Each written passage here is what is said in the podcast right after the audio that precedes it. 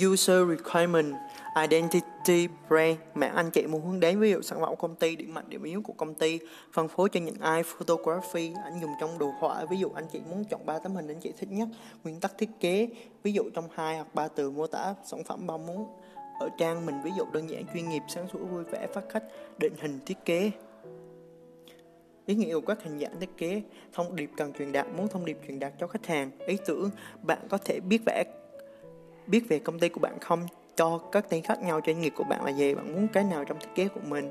Cái hàng lý tưởng của bạn là ai? Tại sao bạn muốn dự án này? Chiến dịch tiếp thị, nguồn cảm hứng đằng sau dự án này, giá trị cốt lõi của sản phẩm, hãy tóm tắt ngắn gọn mục tiêu của sản phẩm muốn đạt được gì trong thiết kế. Bạn đang nhắm, nhóm tuổi nào, các độ tuổi khác nhau, các sở thích khác nhau, về mặt thị giác, xem xét các độ tuổi phù hợp và hiệu quả màu sắc, hình dạng cư chữ phong cách đối với các thương hiệu mục tiêu.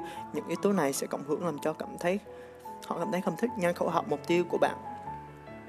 Theo độ tuổi, giới tính, thu nhập khu vực là gì, khách hàng có thích kiểu chữ không? Mô tả điều gì làm cho doanh nghiệp của bạn nổi bật trong một câu?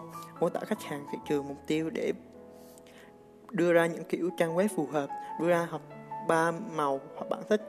Memo của slogan, công ty có khẩu hiệu hoặc dòng giới thiệu.